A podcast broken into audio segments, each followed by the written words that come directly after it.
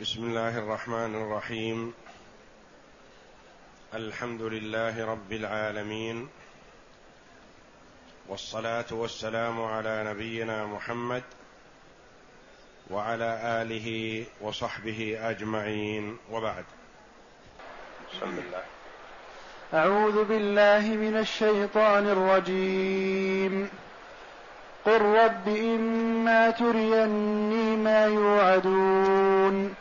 رب فلا تجعلني في القوم الظالمين وإنا على أن نريك ما نعدهم لقادرون ادفع بالتي هي أحسن السيئة نحن أعلم بما يصفون وقل رب أعوذ بك من همزات الشياطين وأعوذ بك رب أن يحضرون.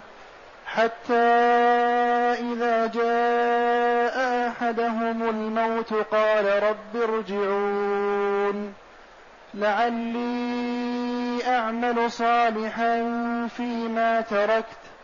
كلا إنها كلمة هو قائلها. ومن ورائهم برزخ إلى يوم يبعثون. يقول الله جل وعلا معلما لعبده ورسوله نبينا محمد صلى الله عليه وسلم قل رب إما ترين ما يوعدون. رب فلا تجعلني في القوم الظالمين. لما عصى المشركون أمر الله جل وعلا وتوقع نزول العذاب بهم أرشد الله محمدا صلى الله عليه وسلم بأن يدعو بهذا الدعاء. يقول الله جل وعلا له قل ربي أي يا ربي إما إن هذه الشرطية وما زائدة كثيرا ما تتصل بها لفائدة إن تريني ما يوعدون فلا تجعلني في القوم الظالمين. ربي فلا تجعلني في القوم الظالمين. شرط وجوابه. إن أريتني يا ربي ما وعدت الكفار فيا ربي فلا تجعلني منهم. والله جل وعلا قد عصم الأنبياء كلهم صلوات الله وسلامه عليهم أجمعين من أن يمسهم العذاب لأنهم رسل الله إلى خلقه فهم يعلمون الخلق ويدعون الخلق إلى الله جل وعلا. فالله جل وعلا قد عصمهم من العذاب. ولكن هذا تعليم للنبي صلى الله عليه وسلم بأن يدعو الله جل وعلا بهذا الدعاء خشية أن يعم العذاب. لأن المعصية قد لا يقتصر عقابها على صاحبها. قد تعم. وقد علمنا النبي صلى الله عليه وسلم بدعاء كان يدعو به عليه الصلاة والسلام. وإذا أردت بقوم فتنة فاقبضني إليك غير مفتون. وهذا تعليم للنبي صلى الله عليه وسلم وتعليم للأمة. بأن تتضرع إلى الله جل وعلا بالدعاء دائما وابدا. والمؤمن كلما كان عارفا بالله جل وعلا خاف من عقابه. وكلما كان العبد بالله أعرف كان منه أخوف أشد خوفا. والله جل وعلا يقول واتقوا فتنة لا تصيبن الذين ظلموا منكم خاصة. فربما حصلت الفتنة عمت الصالح والفاجر. ثم يبعث الله جل وعلا الخلق على نياتهم وعلى أعمالهم. فتنة الدنيا قد تصيب. البر والفاجر. قل رب إما تريني ما يوعدون. إما تريني إن تقدم أنها إن الشرطية. تريني فعل الشرط والنون للوقاية والياء مفعول به. أين جواب الشرط؟ فلا تجعلني في القوم الظالمين. أي قل ربي فلا تجعلني في القوم الظالمين. ثم أخبر جل وعلا أنه قادر على إيقاع العذاب بالظالمين. ولكن الله جل وعلا يؤخره لحكمة يعلمها سبحانه وتعالى. من ذلك أن الله جل وعلا يعلم أنه يخرج من أصلابهم من يعبد الله لا يشرك به شيئا فيؤخر العذاب عن الآباء حتى يخرج من في الأصلاب. ومنها أن الله جل وعلا أجل له اجلا لا يتقدم عليه. فالمخلوق يحب التعجل في الانتقام إذا أراد لأنه يخاف الإفلات يخاف الفوات. والله جل وعلا الخلق كلهم في قبضته لا يفوت عليه أحد. فحدد العذاب بأجل محدد سبحانه.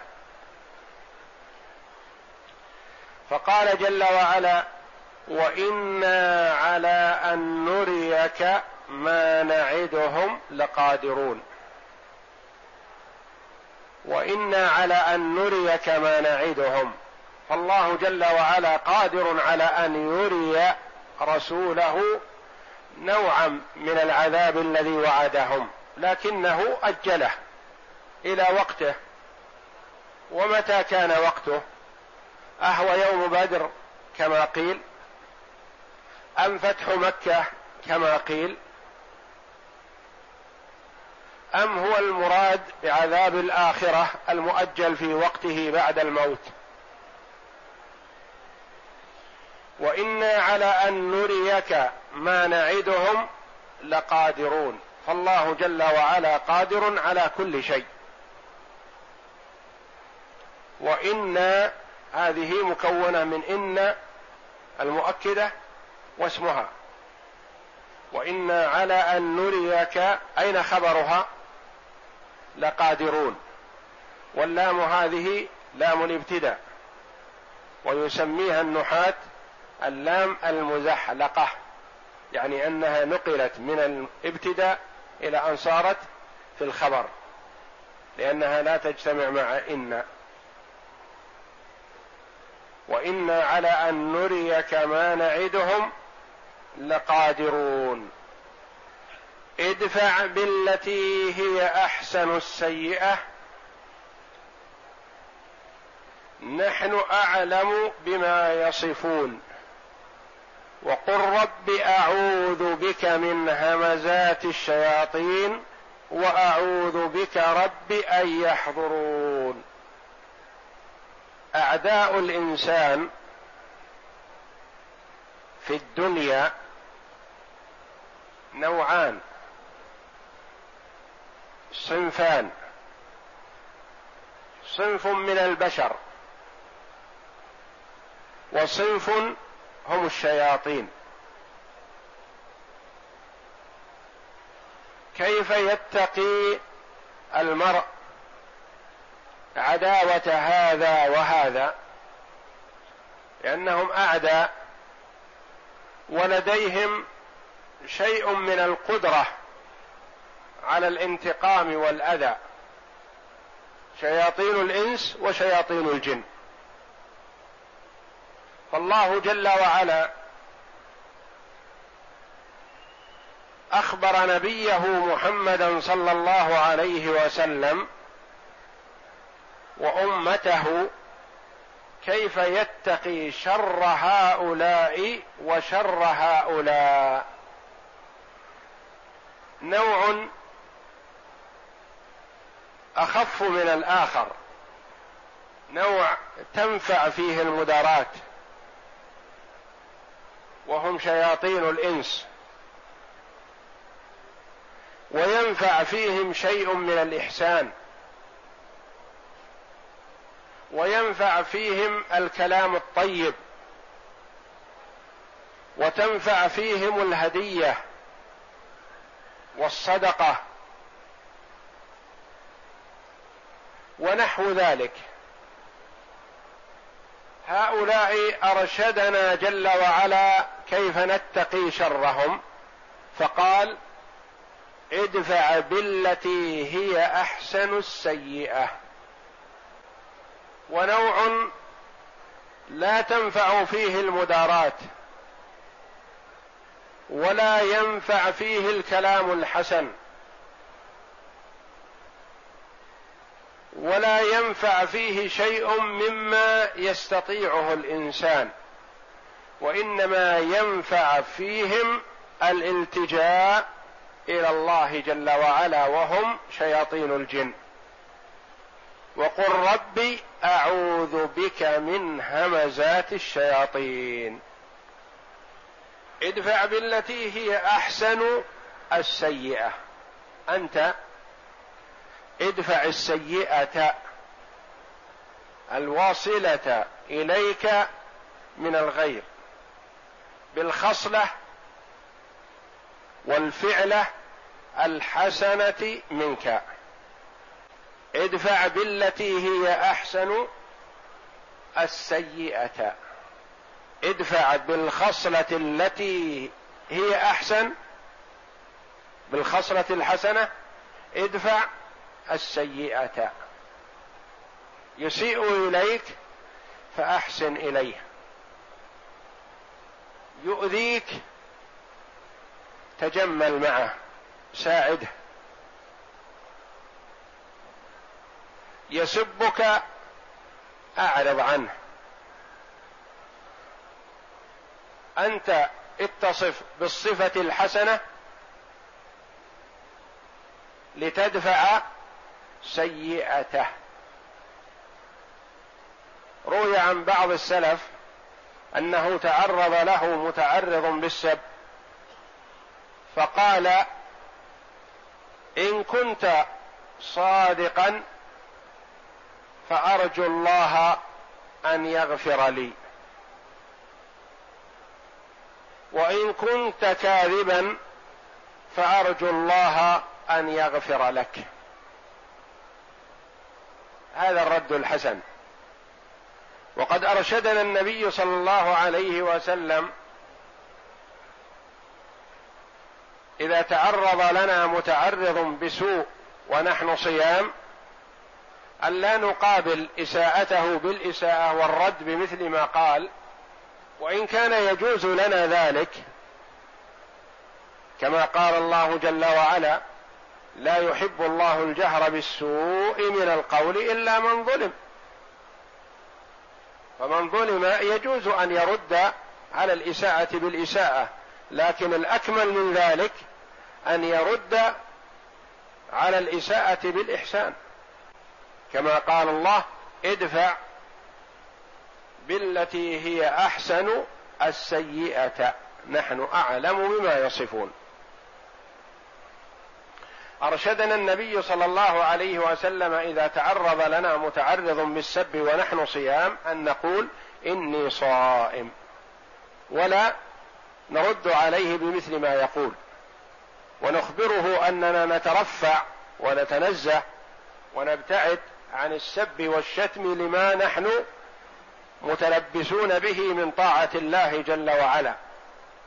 وإلا فلا نعجز عن الرد عليه وإنما يمنعنا عملنا الذي نحن فيه وصفتنا التي يحبها الله جل وعلا.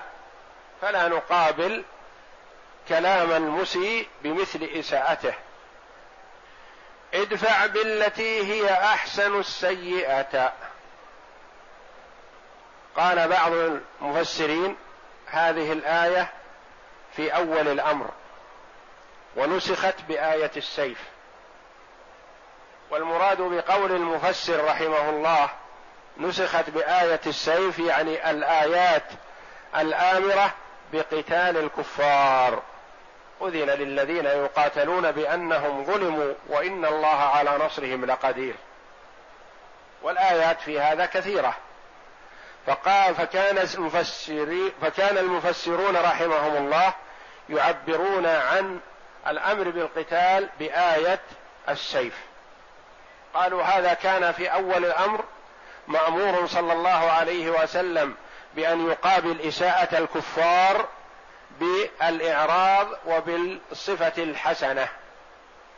ثم لما أمر بقتالهم نسخت هذه الآية وأمر بقتال الكفار. ولا يقابل إساءتهم بالإحسان وإنما يدافع إساءتهم بالقتال. هذا قول المفسرين رحمهم الله. وقال بعضهم هي منسوخة بالنسبة للكفار ومحكمة بالنسبة للمؤمنين فيما بينهم.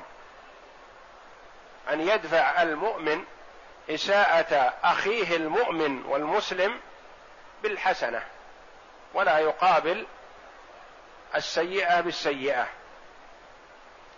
وقال بعضهم هي ليست منسوخة لا في حق الكفار ولا في حق المسلمين. حتى في حق الكفار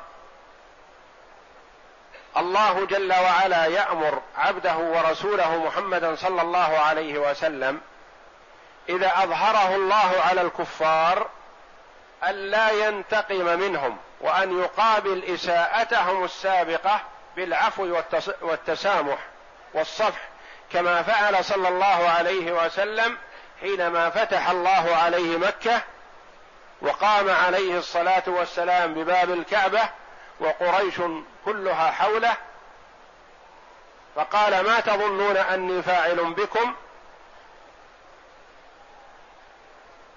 قالوا خيرا قال عليه الصلاة والسلام اذهبوا فأنتم الطلقاء. فتكرم عليهم عليه الصلاة والسلام بالعفو والمسامحة. وحال دخوله إلى مكة أرسل المنادين ينادون من أغلق عليه بابه فهو آمن ومن دخل المسجد الحرام فهو آمن ومن دخل دار أبي سفيان فهو آمن. وأمنهم صلى الله عليه وسلم وهم الذين أساءوا إليه أبلغ الإساءة. فهو عليه الصلاة والسلام كما قالت عنه أم المؤمنين رضي الله عنها عائشة خلقه القرآن. يتخلق بأخلاق القرآن. والآيات في هذا المعنى كثيرة. كقوله جل وعلا ولا تستوي الحسنة ولا السيئه ادفع بالتي هي أحسن. فإذا الذي بينك وبينه عداوة كأنه ولي حميم. وما يلقاها هذه الصفة إلا الذين صبروا وما يلقاها إلا ذو حظ عظيم. وإما ينزغنك من الشيطان نزغ فاستعذ بالله. على غرار هذه الآية والتي بعدها. ادفع بالتي هي أحسن السيئة نحن أعلم بما يصفون. أعمالهم وأقوالهم وما يصفونك به. نحن على علم بذلك. لا يخفى علينا من أمرهم شيء. وما يصفون الله جل وعلا به من الشريك والولد والصاحبة تعالى وتقدس الله جل وعلا عالم به ومع ذلك يوصي محمدا صلى الله عليه وسلم وامته بقوله ادفع بالتي هي أحسن السيئة. ولا تخفى علينا حالهم ولم نوص عليهم لأن حالهم خافية لا بل الله جل وعلا مطلع لا تخفى عليه خافية. نحن أعلم بما يصفون. العدو الآخر شياطين الجن لا يتقون بالهدية ولا بالمدارات وإنما قال وقل رب أعوذ بك من همزات الشياطين. الهمز واللمز النفخ والوسوسة والنخس ونحو ذلك. وقل رب أعوذ بك من همزات همزات جمع مفرده حمزة. وهي الدفعة باليد أو بغيرها. وهمزات الشياطين نزغاتهم. ووساوسهم يقال همزه ولمزه ونخسه أي دفعه. فهمزات الشياطين لا تتقى بالمدارات وبالكلام الحسن وإنما تتقى بالالتجاء إلى الله جل وعلا والتعوذ به. ففي هذه الآية إرشاد للأمة إلى التعوذ بالله من الشيطان الرجيم. وقد ورد من تعوذ النبي صلى الله عليه وسلم عند القراءة بقوله أعوذ بالله أعوذ بالله السميع العليم من الشيطان الرجيم من همزه ونفخه ونفثه.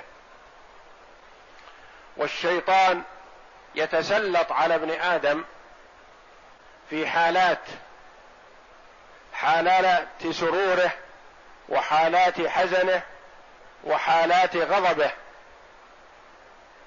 ولهذا أرشد النبي صلى الله عليه وسلم في كل الحالات في الاستعاذ بالله جل وعلا الاستعاذة بالله جل وعلا من الشيطان الرجيم.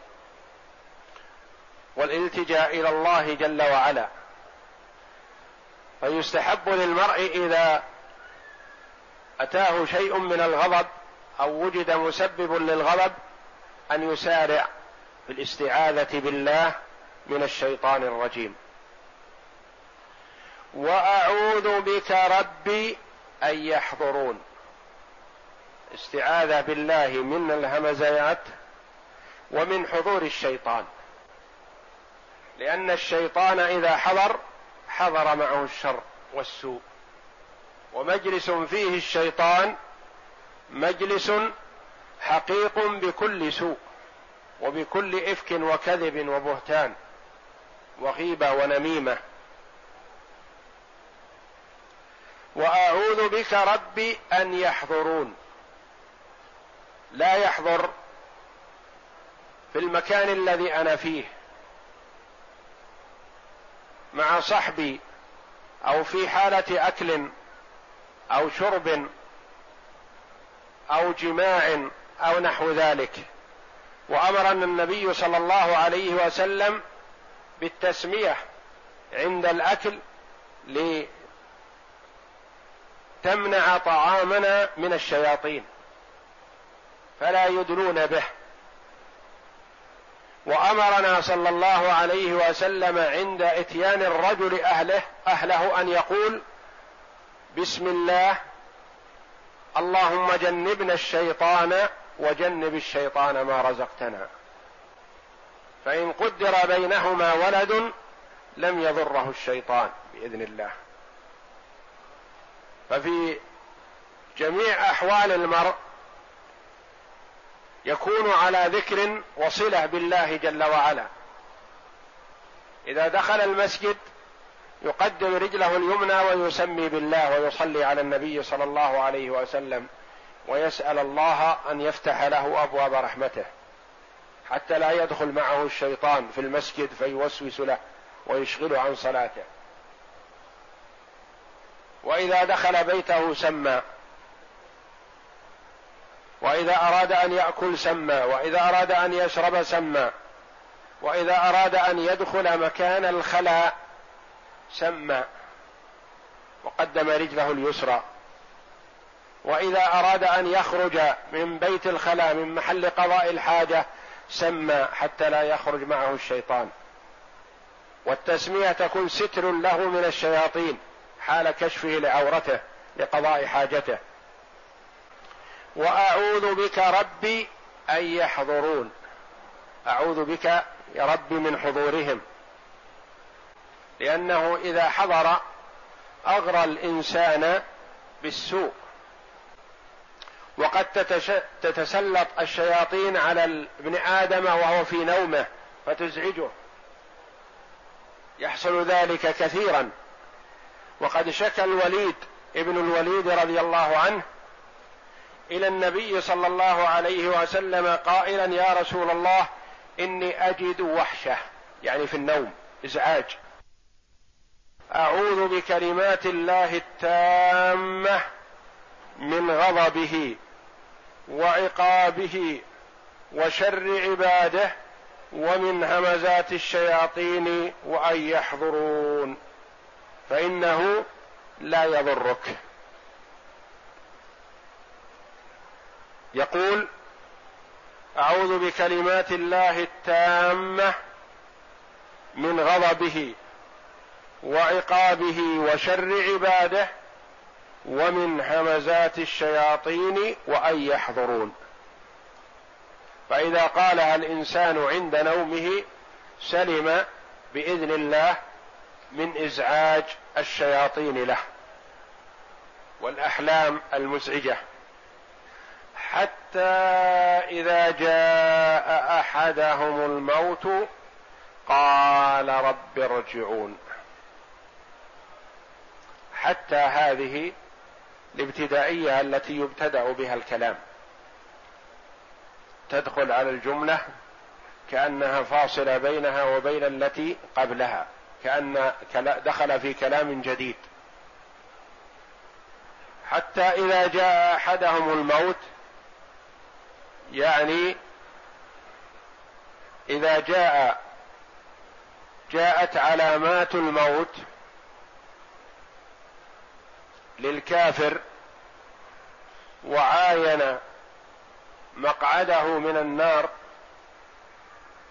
وعاين مقعده من الجنة لو أسلم وآمن ماذا يقول؟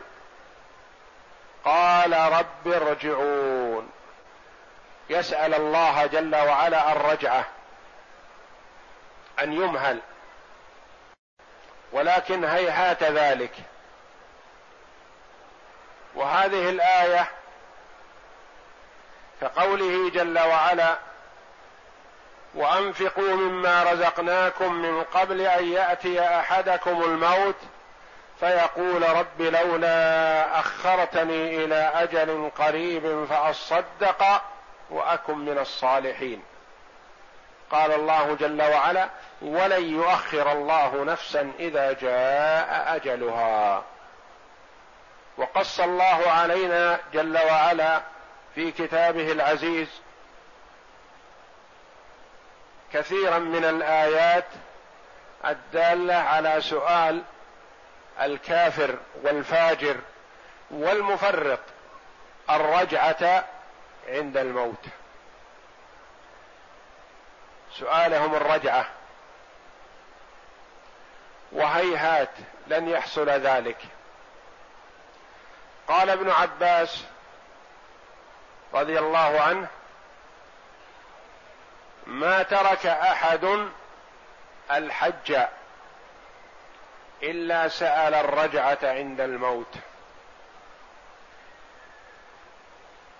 وتلا قوله تعالى قال رب ارجعون لعلي أعمل صالحا فيما تركت. فيقول رب لولا أخرتني إلى أجل قريب فأصدق وأكن من الصالحين. قال أكن من الصالحين بأن أحج. حتى إذا جاء أحدهم الموت قال رب ارجعون. ربي يتضرع إلى الله جل وعلا تلك الساعة يطلب الرجعة لكن هيهات. ربي نداء لله جل وعلا. ارجعون. ولم يقل أرجعني. قيل الجمع هنا مرادا به التعظيم. والله جل وعلا واحد لا شريك له وليس معه غيره. ولكن جيء بالجمع من أجل التعظيم.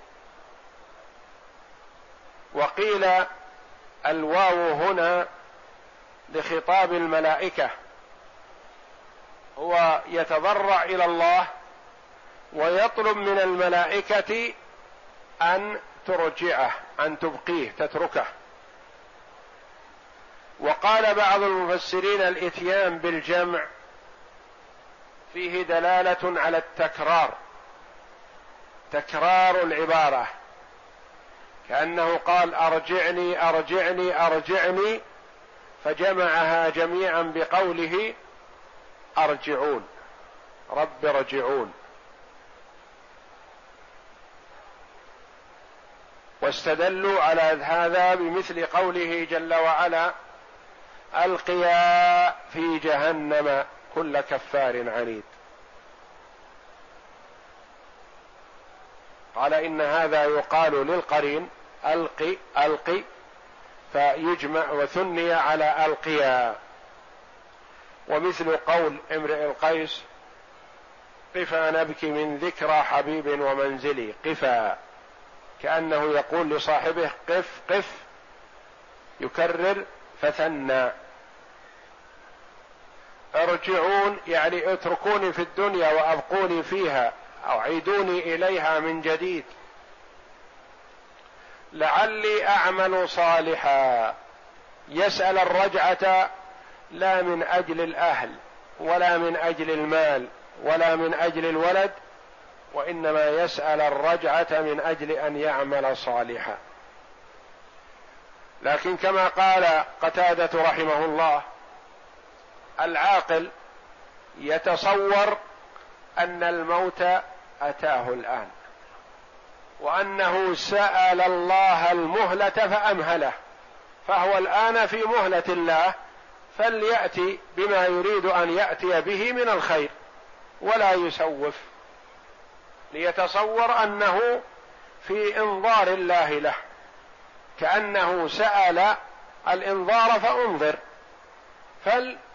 فلياتي بما يعد به. لعلي أعمل صالحا فيما تركت. لعلي أعمل صالحا فيما تركت خلفت ورائي من مال. أو لعلي أعمل صالحا مقابل الزمن الذي تركت العمل الصالح فيه. فقال الله جل وعلا له كلمة ردع كلا. لا رجعة ولا رجوع إلى الدنيا. وهذا شيء محال. والله جل وعلا حكم على من مات بأنه لن يعود إلى الدنيا. كلا. إنها كلمة هو قائلها. إنها الضمير في إنها يعود على ماذا؟ قال بعض المفسرين تعود إلى قوله رب ارجعون. يعني أن الكافر سيقول هذه الكلمة لا محالة.